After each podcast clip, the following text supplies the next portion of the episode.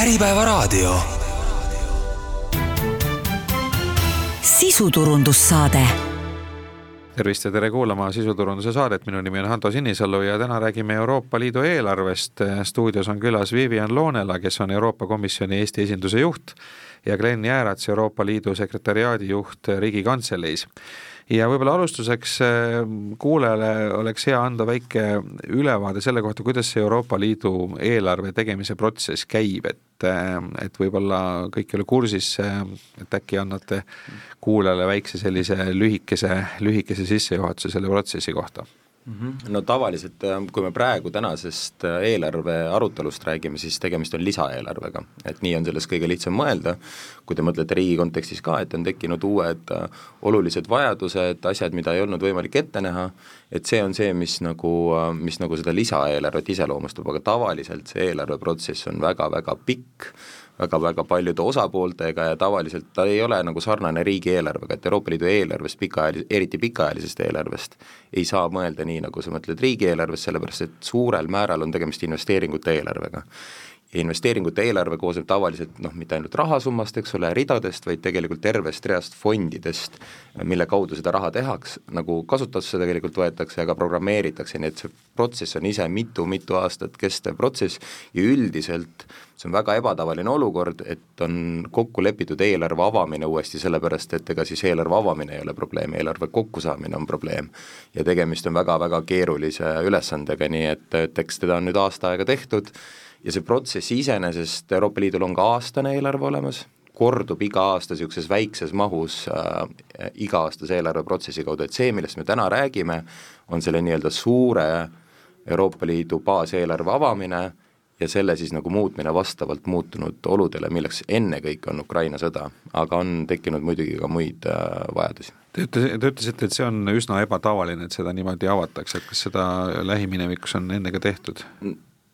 liidrid leppisid juunis kokku selles, et, äh, et eelarve võetakse uuesti lahti, mis on väga põhimõtteline otsus, äh, mis tähendab ka seda, eks ole, et siis see tuleb ka kokku saada. nii et ebatavaline on ta sellepärast, et kuna see protsess on väga-väga pikk ja väga keeruline, üldiselt üritatakse ikkagi lahendusi leida võimaluste piires, võimaluste sees, mida eelarve pakub, aga täna me oleme jõudnud olukorda, kus ei ole võimalik Ukrainat sellisel viisil toetada nagu varasemalt, kui me ei muuda eelarvet, nii et see on nagu põhiline teema, mille pärast see eelarve äh, lahti võeti. Ja loomulikult kaasnes sellega kohe ka igasuguseid teisi ettepanekuid, sest noh, eelarves on probleeme veel peale Ukraina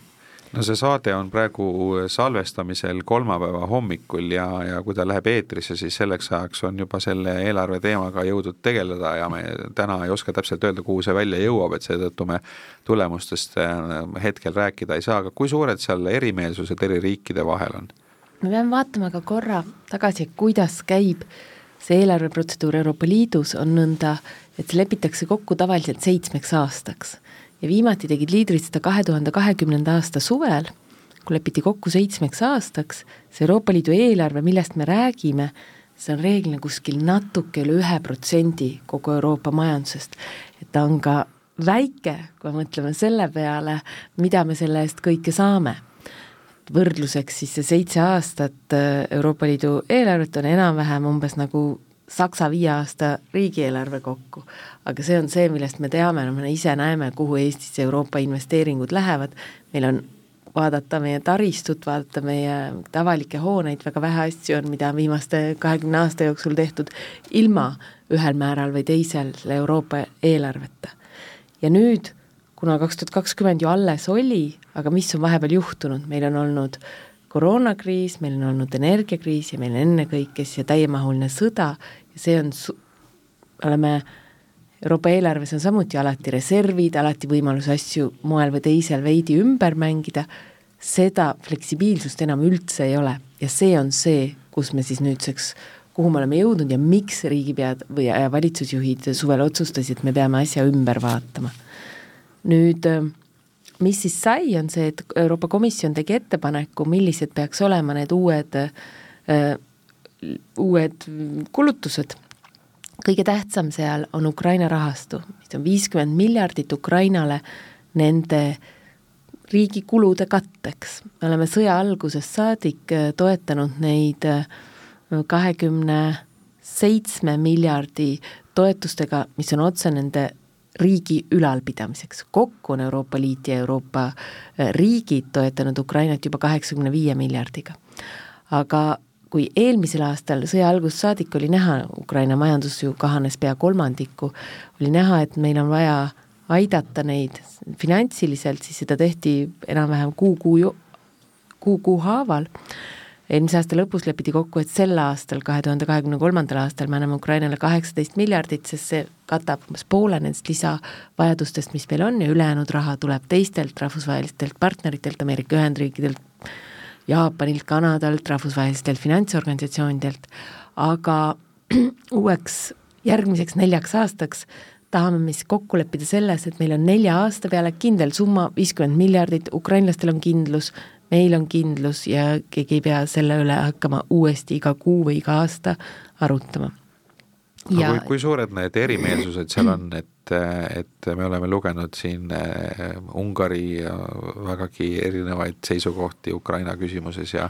Slovakkias on nüüd äh, ka uus, uus valitsus, mis ei ole enam nii äh, Ukraina sõbralik kui, kui eelnev ja, ja siin on muutusi teisigi, et, et kui, kui suured need nii-öelda vaidlused või erimeelsused on mm? -hmm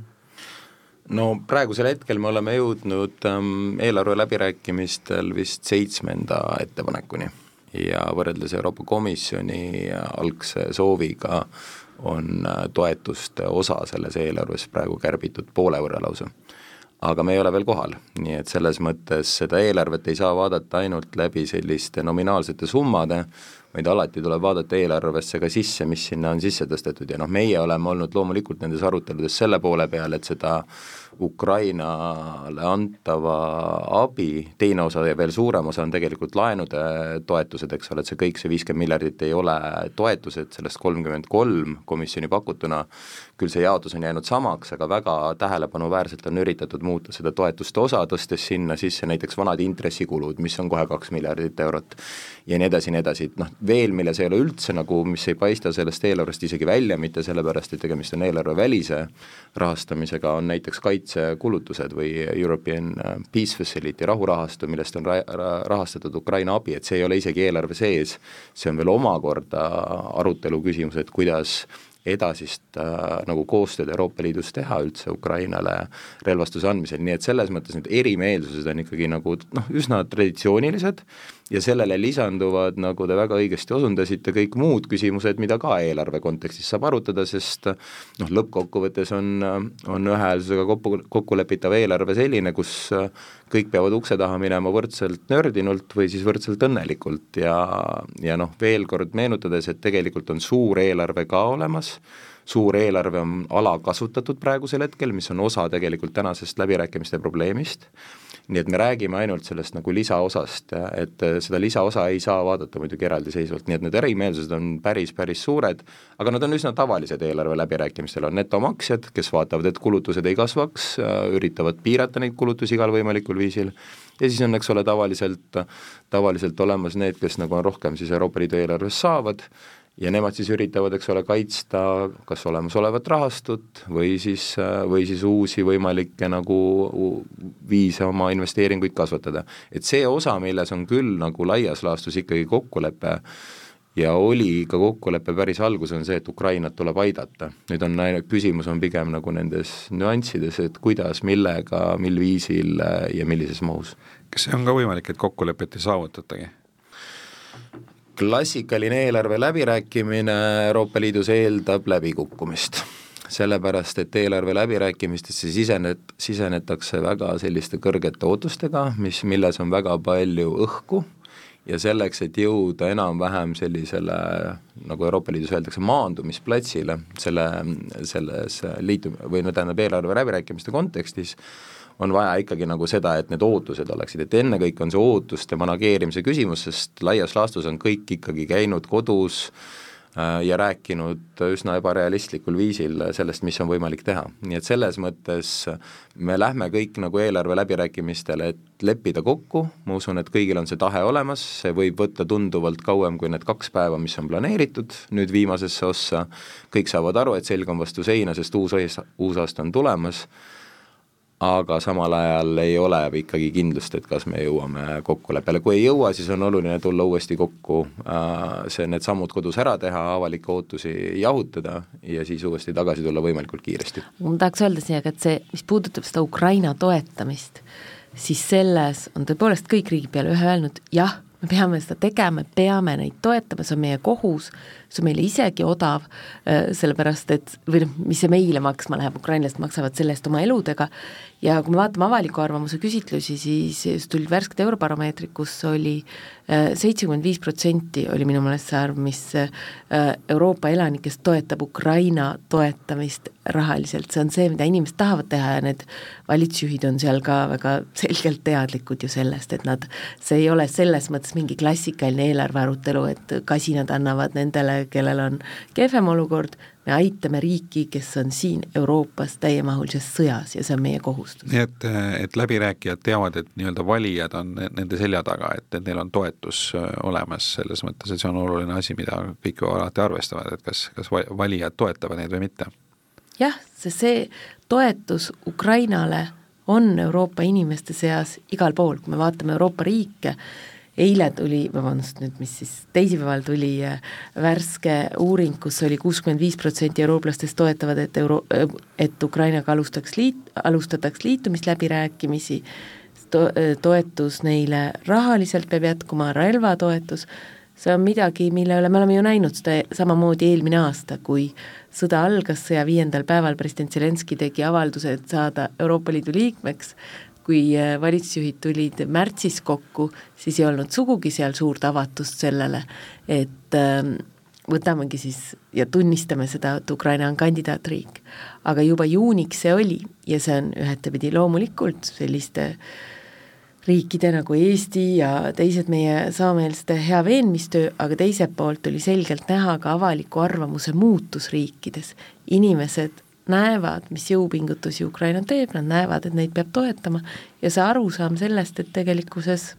maailm ongi muutunud siin, me peame teistmoodi käituma, on päris hästi kohale jõudnud. Nüüd äh, vaatame ka kaugemasse tulevikku, eelarve järgmine periood saab olema kaks tuhat kakskümmend kaheksa kuni kaks tuhat kolmkümmend neli, et see on äh, päris kaugel, aga arvestades, kui kaua see läbirääkimiste protsess kõik aega võtab, siis siis tegelikult need äh, uue pika eelarve läbirääkimised äh, nii-öelda peavad äh, jõudma teatud punkti juba kaks tuhat kakskümmend viis aasta suveks, nii et tegelikult väga palju aega ei ole. mis, mis muutused seal paistavad, et, et võrreldes praegusega, kuidas see järgmine pikk eelarveperiood hakkab välja nägema, millised erinevused, mida te siin prognoosite? ma arvan, seal iga eelarvega, mis me teeme, selle pika seitsmeaastasega, me liigume sinnapoole, et on rohkem, ütleme, vähem neid traditsioonilisi ja rohkem selliseid suurinvesteeringuid, mida Euroopa vajab. Äh, praeguses eelarves oleme me olukorras, kus umbes kolmand-, kolmkümmend protsenti läheb ähm, põllumajandustoetustele, kolmkümmend protsenti läheb äh, ühtekuuluvusfondi toetustele mis on siis nendele riikidele, kes on vähem arenenud, nad järele jõuaks, ja ülejäänus kõigisse nendesse muudesse äh, teemadesse, mida me igapäevaselt näeme, ongi see, et kas need sõjatoetused, piiriküsimused, migratsioon, teadus, digi ja nii edasi. ja kui vaatame seda järgmist perioodi, mis algaks siis aastal kaks tuhat kakskümmend kaheksa, vaatame, mida riigijuhid veel peavad arutama siin sel nädalal ehk laienemispoliitikat, siis eesmärk muidugi on, et see uus eelarve võtaks arvesse seda poliitilist reaalsust, et Euroopa Liit saab olema suurem. Ja see laienemine jõuab moel või teisel ja millal täpselt, seda me ei tea, aga jõuab eduka järgmise sammuni, ehk et meil tuleb uusi liikmeid juurde, kes teevad meie Euroopa Liitu tugevamaks, siseturgu suuremaks ja, ja annavad sellega uut hoogu juurde selle Euroopa Liidu arendamisele. Äh, komisjon tuleb järgmise aasta alguses välja erinevate selliste mõttepaberitega, et kuidas peame me muutma oma põllumajanduspoliitikat, oma ühtekuuluvuspoliitikat, oma eelarvepoliitikat, võttes arvesse seda, mida see laienemine meile kaasa toob. aga need saavad olema muidugi suured arutelud, et kui me räägime Ukraina laienemisest konkreetselt, siis Ukraina on suurema põllumajandusmaaga kui Prantsusmaa, põllumajandus pindalaga kui Prantsusmaa, mis seni on olnud suurim põllumajandustoetuste saaja. Neil on väga arenenud see äh, põllumajandussüsteem, need on suured farmid, väga tootlikud, ka praegu sõja ajal. et loomulikult seal peab palju asju ümber vaatama, me ei saa äh, noh, praegusel hetkel mõelda, et me jätkaks samasuguste põllumajandustoetustega näiteks. aga need on teemad, mis on ju olnud aastakümneid väga teravate arutelude objektiks liikmesriikide vahel. nii et seal ses osas tuleb, tuleb äh, kindlasti äh, pinevaid äh, läbirääkimisi. aga kui me vaatame, millele seal keskenduda, siis juba praegune see eelarve, mis meil on, see seitsmeaastane eelarve, sellest läheb umbes pool majanduse moderniseerimisse, kas siis rohestamisse, digitaliseerimisse, teadusrahadesse, et eks see suund üldjoontes on sama, et need Euroopa Liidu eelarve, nagu ma ütlesin, ta on kuskil natuke üle ühe protsendi, ta ei ole suur võrreldes kõigi muu nende Euroopa äh, enda riikide eelarvetega. aga kuna need on sellised strateegilised investeeringud, siis suund on kindlasti sinnapoole, et nad muutuks veel nutikamaks, muutuks selliseks, millega tuleks veel rohkemgi kasu kaasa liikmesriikidele ja liidule tervikuna ma saan aru, et see, see pika eelarve arutelu, et seal on nii palju erinevaid hüpoteese, et me tegelikult ju ei tea, kas Ukraina liitub või ei liitu, aga samal ajal eelarves peaks sellega juba nagu arvestama, et, et seal on neid muutujaid nii palju, et, et kas seal see protsess siis tehakse siis nagu mingid A, B, C ja D stsenaariumid või kuidas see käib, et, et nii, niivõrd muutlikus olukorras nii kaugesse tulevikku eelarvet planeerida tundub suht võimatu ülesanne olevat jaa, et kui nüüd, ähm, kui nüüd jah, samm tagasi astuda sellest äh, liitumisläbirääkimiste ja laienemise arutelust, siis loomulikult ega see eelarve on väljendus poliitilistest prioriteetidest, nii lihtne see nagu ongi, et kui äh, riigijuhid otsustavad, et Euroopa Liidus tõenäoliselt võib olla kolmkümmend kuus liikmesriiki aastal kaks tuhat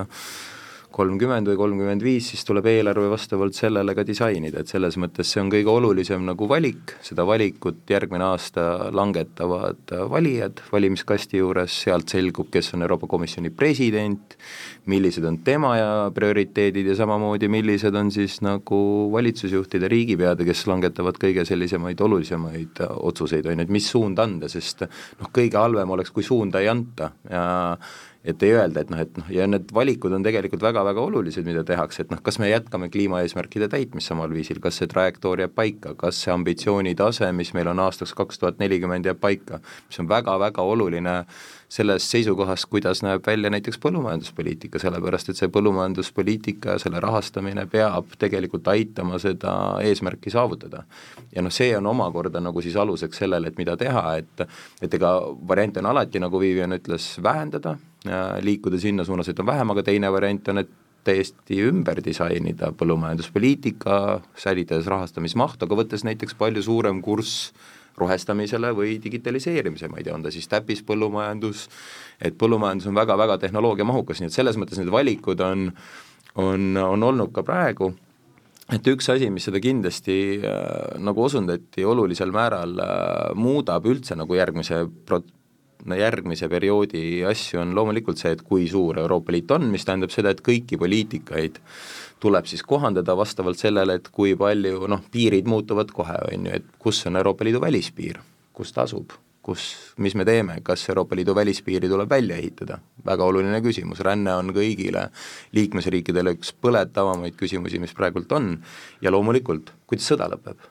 kas me nüüd nagu peame ennast nagu väga kõvasti kokku võtma selleks, et, äh, et Vene impeerium siin meie kõrval ennast muudkui nagu äh, üles äh, üles kütab, nii et selles mõttes need on kõik need väga-väga olulised küsimused ja siis tuleb loomulikult disainida selleks nagu vastav äh, eelarve. et mis nüüd nagu eelarves sisse vaadates nagu kindlasti tundub muutuvat, äh, ühes osas ma pean Viviani selle korrigeerima, see on, see on see, et ühtekuuluvusvahendid tegelikult on piirkondadele, et need on ja pi-, vaesed piirkonnad on ka rikastes riikides, et selles mõttes see ei ole ainult suhe nagu rikkuse järgi SKP-sse nagu see, vaid, vaid Ida-Saksamaa on näiteks suur kasusaadja, Prantsusmaa Saksamaal on selliseid piirkondi, nii et selles mõttes, aga see on ka oluline koht, kus eelarve on muutunud, et kui me tänast eelarvet vaatame, siis see oluline muutus on seesama uue põlvkonna Euroopa Liidu vahendid, mis tegelikult on riigi tasemel reformid. et noh, Eesti puhul ei ole see muutus sedavõrd drastiline, sest Eesti on väike riik, Eestis on üks piirkond, üks riik ja on väga lihtne tegelikult vahendeid planeerida, muuhulgas riigireforme. mõnedes riikides on see palju suurem probleem, vahendid on suunatud regioonidesse, riigi tasemel reforme ei juhtu. ja nüüd nagu väga-väga palju sõltub sellest ka, et kui edukaks see protsess, mida me täna siis nagu on ta siis õiglase ülemineku fond, on ta need äh, reformiprotsessid, eks ole, mis on seotud eelarvega, see on väga-väga põhimõtteline muutus Euroopa Liidu eelarvele, kuidas üldse eelarvet tehakse, täna täna makstakse eelarvet välja vastavalt tulemustele ja see on ka muide osa Ungari probleemist, et probleem Ungari puhul ei ole tegelikult mitte Euroopa Liidu poole peal, vaid Ungari poole peal, sellepärast et reformid on tegemata. nii et selles mõttes nagu kui Ungari teeks ära kodutöö, saaks nagu nii, nagu kõik teised liikmesriigid vahendeid nagu kasutusse võtta, et see ei ole kuidagi, et keegi kiusab, nii et selles mõttes tuleb aru saada, et see eelarve on, see tänane eelarve on juba väga erinev, kui see töötab ja me, ja see on ka väga oluline aspekt selle järgmise eelarve disainimisel, et see, mis töötab, see, mis nagu aitab reformidele, asjadele kaasa investeeringute toetuseks, see, sellega jätkatakse. või siis on vaja natukene tegelikult eelarves kohandusi teha, et, et seda protsessi paremaks muuta no Ukraina sõjajärgne ülesehitamine, et siis eeldame sellist stsenaariumi, et sõda lõpeb ja on hakat-, algab Ukraina taastamine, et see on ütleme, sajandi projekt, et, et siin on erinevad hinnangud, kuni, kuni triljon eurot on hinnatud selle mahuks, et see on nagu teisipidi ka väga suur investeering, selles mõttes mitte ainult kulu, vaid, vaid tegelikult nagu võimalus ka Euroopa Liidu ettevõtetel kas või laieneda ja, ja, ja äri teha, et et, et seda saab ju vaadata nagu mitut pidi, eks ole, et et kui, kui oluline see aspekt on, et, et, et eelarve puhul nagu vaadatakse ka nagu seda ärimahu poolt, et kas, kas need, need meetmed või need prioriteedid, mis eelarves on, võimaldavad siis ka Euroopa Liidu riikide ettevõtetel äri teha? no eelarves väga suur osa läheb ettevõteteni, kui me vaatame tegelikult Eesti puhul, me saame praegusel perioodil kaheksa miljardit koos siis taasterahastuga. ja ega see raha ju ikka jõuab Eesti ettevõteteni, me mõtleme isegi, mis läheb, võtsime need, eelmisel perioodil olid need riigi gümnaasiumide, gümnaasiumide ehitamine, saime selleks toetust, lõpuks läheb Eesti ehitusettevõteteni, kes seda teevad, Eesti arhitektuuribüroodeni, Eesti disainibüroodeni. et loomu-, jah, see Euroopa Liidu eelarve jõuab igale poole ses osas kohale. Ja nagu ma ütlesin, et meil pool eelarvest enam-vähem läheb sellesse, et seda majandust moderniseerida, kuidas me teeme teda rohkem digitaliseerituks, kuidas me teeme nii, et see oleks teadusmahukam, kuidas see rohestamine äh, edukamalt läbi viia. Ja see, kogu see konkurentsivõime küsimus muutub aina olulisemaks ja seda on näha riikide omavahelistes aruteludes ka, et äh, me oleme tegelikkuses jällegi samm eemalt vaadatuna edukalt hakkama saanud nende kriisidega, mis meil siin olnud on kolma, nelja viimase aasta jooksul, aga me peame vaatama ka, et sellest, et sealt ühiselt välja tulla, selleks peame kasutama neid Euroopa Liidu vahendeid, kus võimalik on. mulle, mulle tundub lihtsalt see, et, et tihti sellest eelarvest rääkides nagu inimestel noh, ütleme selline üldistatud siis nagu laiadel hulkadel jääb mulje, et see on nagu kulu et see, see raha nagu kulub ära, aga tegelikult see raha läheb ju tagasi ettevõtlusesse ja sealtkaudu maksulaekumistesse, et see tegelikult nagu on ringluses, et see ei ole selles mõttes kulu, et see, see tegelikult tuleb ju ka riikide eelarvetesse nagu teisipidi tagasi. Et ja läheb muidu riigieelarvetest välja ka, selles mõttes, et Euroopa Liidu eelarve ikkagi suurel määral äh, tuleb riigieelarvetest, et selles mõttes äh, seda on mõistlik vaadata ühe tervikuna, planeerida ühe tervikuna ja heaperemehelik käitumine alati muidugi ka on see, et sa käsitled seda kui ikkagi nagu oma isiklikku rahakotti ja teed äh, mõistlikke otsuseid, nii et selles mõttes, selles mõttes on, aga aga, aga üks protsent SKP-st tundub küll väike äh, ja on ka väike, aga samal ajal üks protsent SKP-st on ka väga suur, et noh, kui me, kui me võtame nagu selle ühe protsendi asemel need nullid appi, siis Euroopa Liidu eelarve on kaheteistkümne nulliga, et et seda on tavalisel inimesel võib-olla isegi raske hoomata, nagu kui me jõuame sinna nii-öelda miljardite juurde, et et tekib, tekib tavalisel inimesel raskusi nagu selle kokku, nii et noh, et ühesõnaga me oleme üsna rikas kontinent, on selle asja mõte ja teiseks, kaasrahastamine ja kõik muud asjad, mis eelarvele juurde tulevad, tegelikult seda, selle eelarve mõju mitmekordistavad. et see ei ole ainult niimoodi, et, et see, mis on nominaalselt kirjas, et noh, kui sul on kaasrahastamismäär näiteks viiskümmend protsenti, mis on äh, enamuse eelarvefondide puhul, siis see teine viiskümmend tuleb juurde panna. Et selle, noh, see on nagu lihtsalt selline vihikunurgal nagu arvutamine, nii et see mõju on, on väga suur, see on isegi oluline rikastele riikidele investeeringuteks, aga kui nüüd tulla Ukraina teema juurde korra tagasi, siis selle lisaeelarve nagu kõige olulisem aspekt on see, et, et tehakse eraldi Ukraina fond et täna on olnud see ikkagi läbi nagu teiste instrumentide ja nüüd on nagu küsimus sõja lõpptulemusest uh,. Sellepärast, et kui uh, kui sõda loodetavasti lõpeb peatselt ja lõpeb Ukraina võiduga, on see võimalik ümber keerata Ukraina taas nagu ülesehitamiseks. komisjon juba tegelikult vaikselt planeerib eksperte, vaikselt planeerib liitumisläbirääkimisi, et kuidas seda nagu protsessi teha, nii et selles mõttes see töö on olemas, küsimus on lihtsalt selles alguspunktis, et senimaani me oleme rohkem sellise humanitaar- ja arenguabi peal, mida me täna teeme, aga siis hakkab tegelikult just see nagu pihta ja loomulikult on siin äh, palju võimalusi ja meie kõigi ühine huvi on tegelikult, et see üks protsent Euroopa Liidu eelarve või üks protsent Euroopa Liidu jõukusest kasvaks, et selles mõttes see üks protsent saab suureneda, suureneb ta juba läbi selle, et meil on kümme uut liikmesriiki, nad ei ole küll veel jõukad, aga noh, vaadake Eestit. et Eesti puhul see muutus ju toimub ja loomulikult Eesti peab ise panustama ka äh, sellesse nagu äh, arengusse, eks ole. aga lõppkokkuvõttes on meie kõigi ühine huvi, et see üks protsent oleks võimalikult suur, sest kui Ukraina on jõukas või Moldova on jõukas või Serbia on jõukas, siis on jõukam ka, siis me saame koos rohkem teha, sellesama ühe protsendi eest, isegi kui ta on ainult üks protsenti, aga see on üks protsenti väga-väga suurest ja jõukast kontinendist. nüüd Eesti on, on seni olnud äh, netosaaja, et on saanud Euroopa Liidust raha ja peagi peaks see nüüd muutuma, saabuma see, see murdepunkt, kus Eesti hakkab äh, netomaksjaks, et aidake korraks meenutada, et kuidas see süsteem käib, et meie majandus nagu samal ajal langeb, et kas see on kuidagi seotud sellega ka, kui, kui edukas meie majandus on või, või on see mingi konkreetne tähtaeg või millest see täpsemalt sõltub, et millal see hetk saabub, kui, kui me netomaksjaks muutume?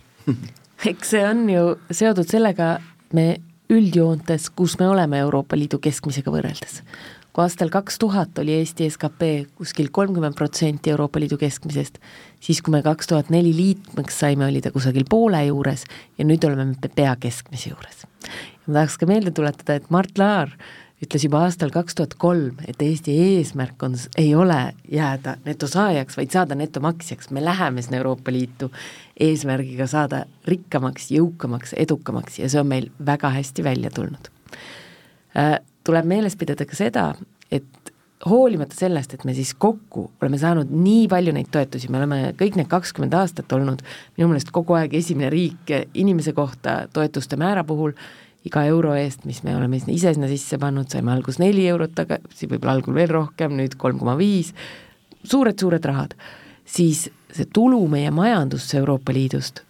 tuleb veel palju rohkem sellest, et me saa-, meie ettevõtted saavad ühisturul toimida see on see, kus on see majanduslik käegakatsutav kasu kõige suurem, et jah, me oleme saanud kakskümmend miljardit euro toetusi või saame nüüd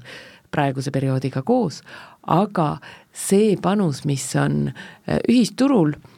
meie majandusse, on kordades suurem. kõik ettevõtted praktiliselt, keda ma külastan, ma käin palju mööda Eestit ringi, nad kõik, kes ekspordivad, ekspordivad äh, meie liikmesriik, meie naaberriikidesse, muudesse Euroopa Liidu liikmesriikidesse, igal pool on see, oo, kui kasulik see on, et me saame minna, kasutada seda Euroopa Liidu ühisturgu, sul ei ole vahet, kas sa müüd seda Pärnust Tartusse või müüd seda Pärnust Saksamaale või äh, või, või Rootsi oma kaupa, mida sa teed. nii et äh, ses osas ma arvan, meie huvides on kindlasti see, et see ühisturg muutuks tugevamaks veelgi, et need barjäärid, mis seal on, võetaks maha ja, ja et ta muutuks ka suuremaks, et siis me saame, me oleme näinud nüüd selle sõjaga, nii kui algas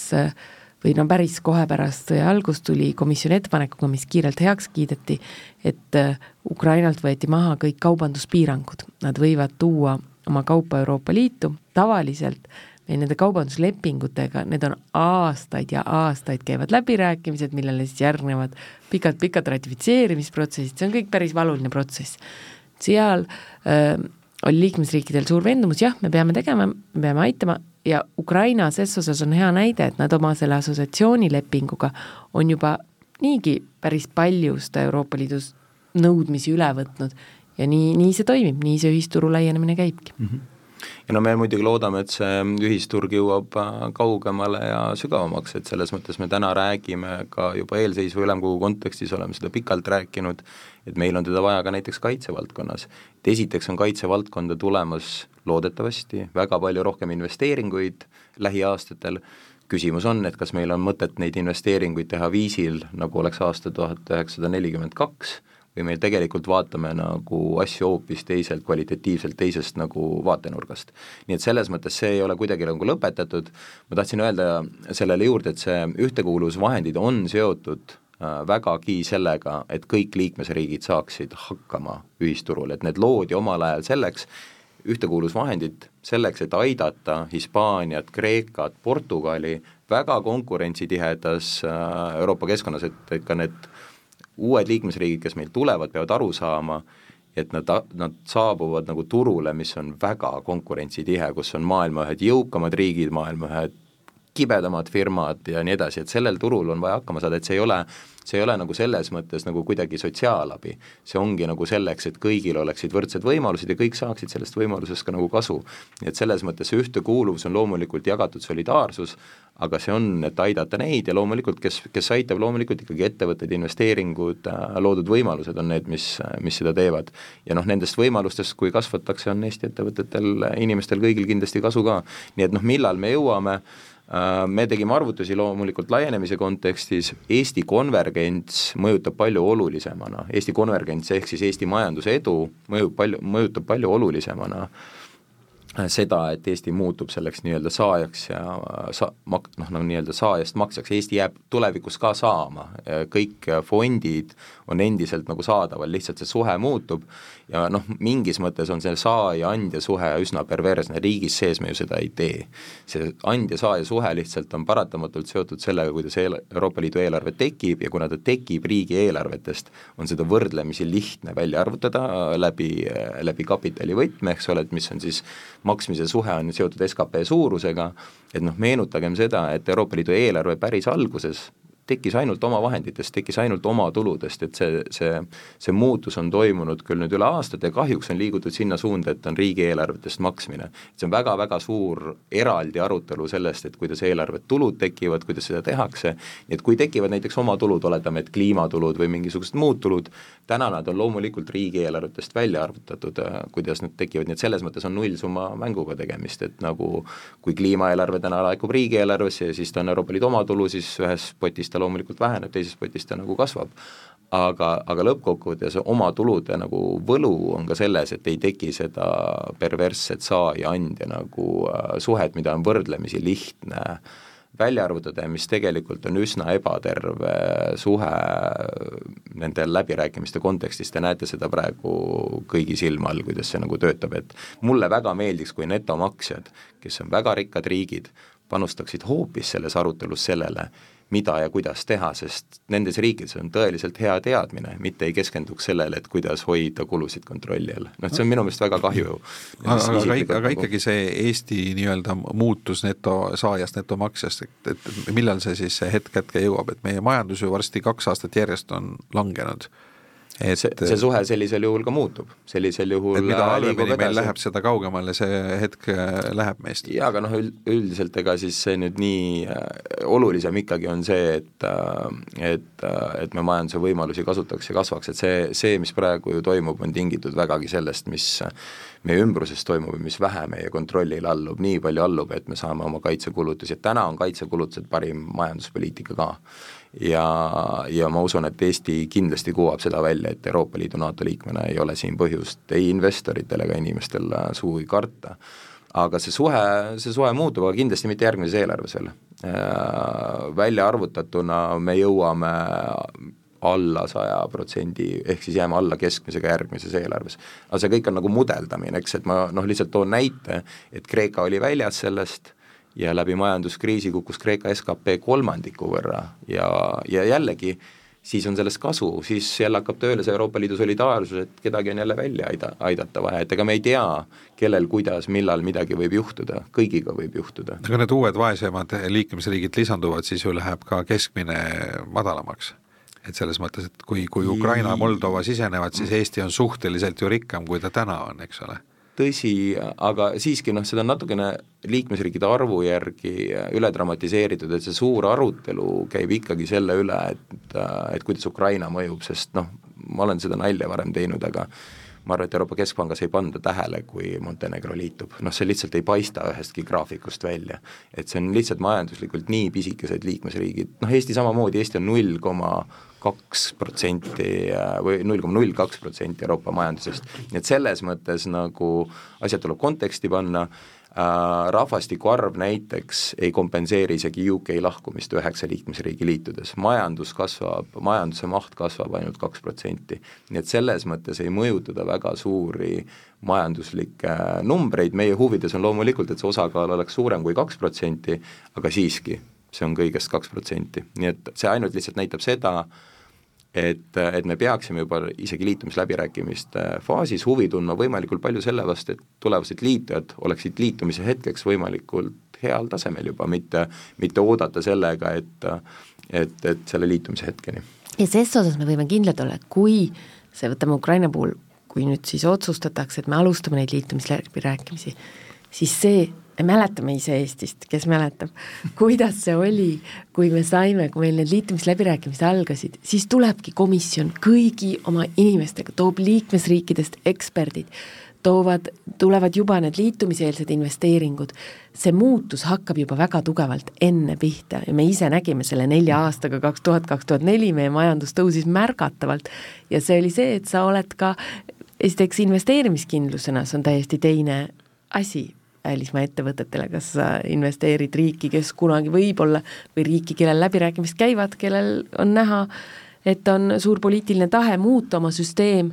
ähm, läbipaistvamaks, ausamaks, korruptsioonivabaks, sama tee, mis me ise tegime. et ses osas äh, jah, kindlasti see tugi äh, saab olema tugev ka Euroopa Liidu poolt nendes äh, liitumisläbirääkimistes selleks, et see olukord mm -hmm. kiiresti paraneks. No kui, kui seda uut eelarvet on kaks tuhat kakskümmend viis äh, suveks vaja juba põhimõtteliselt äh, kokku leppida, et ettepanekut on vaja ettepanekut, jah, et, et kas meie nagu see, neid plaane, et kuidas meie seda kasutama hakkaksime, noh nagu me praegu kasutame seda näiteks ma ei tea, Rail Balticu jaoks või, või Viljandi haigla või, või riigigümnaasiumid või mis need suured projektid on, et kas, kas me ise ka siin siin siseriiklikult nii kaugele mõtleme, et vot, et kui nüüd kaks tuhat kakskümmend kaheksa see uus periood algab, et siis me tahaks teha seda, teist või kolmandat? Äh, jaa, eelarve läbirääkimiseks äh, valmistumine hakkab alati äh, pikalt enne ja tegelikult on vaikselt alanud, et kui me vaatame ka seda, kuidas Euroopa Komisjon vaikselt valmistub, et sul tegelikult algab see, hakkab see pihta olemasolevate vahendite hindamisest. ja see protsess on juba käima pandud, et kuidas töötab, kuidas läheb, mis on õigesti, mis on valesti, küsitakse kõvasti tagasiside. et tegelikult vaikselt juba selline mõtlemine on pihta hakanud nagu öeldud, siis äh, oluline on poliitilised valikud lõpuks, see suund, seda ma usun, et see laiem suund pannakse järgmisel aastal paika, väga erinev võrreldes varasemalt on see, et järgmine Euroopa Komisjon, järgmine Euroopa Parlament saab ühe tsükli jooksul ära teha kogu eelarve, ehk siis kogu eelarve nii läbi rääkida kui vastu võtta, sest see peab olema vastu võetud sellel perioodil, noh, kes eelmist eelarvet mäletab, siis komisjon muutus, siis tuli Ursula von der Leyen, Fit for fifty five, kõik muud sellised asjad, mis tegelikult andsid ka eelarvele kohe hoopis teise suuna ja, ja natukene katkestasid äh, pikalt kestnud läbirääkimised. aga loomulikult riigid valmistuvad, riigid teavad, kuidas nende majandusareng on minemas, kuidas on huvid, meil tuleb valmis ehitada suured infrastruktuuriobjektid, Rail Baltic, desünkroniseerimine, kõik need asjad ju on, võtavad aega, meretuulepargid, et me juba täna teame päris palju olulisi asju, näiteks energiainvesteeringute kava, lepiti alles möödunud nädalal Euroopa Liidus kokku, see investeeringute kava tegelikult näitab sulle kätte, millised objektid võivad olla ühisrahastamises, nii et kes, kellest näiteks energiainvesteeringute vastu huvi tunneb, see nimekiri on, on juba olemas, võib-olla seda veel muudetakse. nii et see tegelikult on vaikselt pihta hakanud, ma arvan, et väga-väga suur küsimus on kaitse äh, järgmiseks eelarveks, ja väga-väga suur küsimus on kindlasti kliima, et kuhu suunas minnakse, sellepärast et see väga palju suunab kõiki muid arutelusid ja noh, digipööre sinna otsa veel, et kui kiiresti arvutusvõimsused nagu arenevad. ja see jõuab kindlasti absoluutselt kõikidesse nagu äh, kohtadesse, aga äh, loomulikult lõplikud otsused teeb ikkagi nagu see valitsus ka Eesti riigis, kõigis teistes liikmesriikides, kes siis hakkab lõpuks äh, läbirääkimisi pidama et noh, meie loomulikult lähtume oma strateegiadokumentidest, mis riigis on, on ta Eesti kaks tuhat kolmkümmend viis, on ta Eesti Euroopa Liidu prioriteedid, eks ole, valitsuse prioriteedid, aga Eestil on selleks hetkeks, kui läbirääkimised hakkavad, kindlasti juba no vähemalt üks uus valim, valimine on toimunud, vähemalt üks uus äh, valitsus. nii et noh, seda ei ole mõtet täna nagu prognoosida, aga riigid jah, vaikselt valmistuvad ja otsivad neid kõige olulisemaid äh, kohti no kui vaadata seda, mis Kopil praegu äh, toimumas on, siis äh, võib-olla üks selline äh, paradigma muutus on see, et tuumaenergia on taas päevakorral, et, et see on suhteliselt tugevalt nüüd tulnud ja ilmselt on aru saadud, et fossiilkütustest väljumine ilma tuumaenergiata hetketehnoloogiaid arvestades võimalik ei ole, et kas see kuidagi muudab nüüd Euroopa energiapoliitikat ka või, või ei ole, on see veel liiga värske info? Tuuma osas Euroopa Liidus üksmeelt ei ole, meil on pooled riigid, kes ta kasutavad, pooled riigid, kes mitte. Ja mis meie kokkulepe on, et neid tuuma äh, küsimusi me Euroopa Liidus siis Euroopa Liidu eelarvest ei rahasta, mis on rahastatud, on see tuumaohutuse teema, mis mhm. ju on kõigile oluline. Aga küll, äh, küll määratleti tuumatehnoloogia investeeringud sellisena, et nad on rohelised. et selles mõttes nagu see ei ole küll Euroopa Liidust rahastatav, aga panka võib minna ja pank peab aktsepteerima seda siis nagu ikkagi kliimasõbraliku investeeringuna, et see on ikkagi see, kus on kokkuleppele jõutud, jah, Vivian otsust-, osundab õigesti, et, et et, et tuumaenergia iseenesest ei ole nagu otseselt rahastatav, kuigi Euroopa Liidu osa on ka Euratom. aga kuhu see läheb, seda ei tea, siiski oluline on rõhutada seda, et Euroopa Liidu aluslepingute järgi on liikmesriikide energiapoliitilised valikud ja siin nagu, eks ole, me teame, millised need valikud on olnud, on olnud ikkagi liikmesriikide vastutus. nii et selles mõttes see, mida Euroopa Liit üritab arendada, on ühine energiaturg, ühine, ühise, ühine infrastruktuur, et millised äh, tootmised siis nagu turule pääsevad läbi selle, et nad kas täidavad kliimanõudeid või nii edasi, on siis tegelikult liikmesriikide valik ja loomulikult peaks ta olema tehnoloogianeutraalne, sest noh, täna on ka selge, et, äh, et meil on vaja tehnoloogia arengus hüpet ja noh, kui me hüpet ei tee, siis on raske see kaks tuhat nelikümmend eesmärk ikkagi saavutada, sest siis tuleb teda saavutada nagu vähendamise abil ja see on raskesti sotsiaalselt aktsepteeritav. aitäh, äh, sta-, meie saates olid külas Vivian Loonela, Euroopa Komisjoni Eesti esinduse juht ja Ken Jäärats, Euroopa Liidu sekretäriaadi juht Riigikantseleis, mina olen saatejuht Ando Sinisalu ja aitäh kõigile kuulajatele!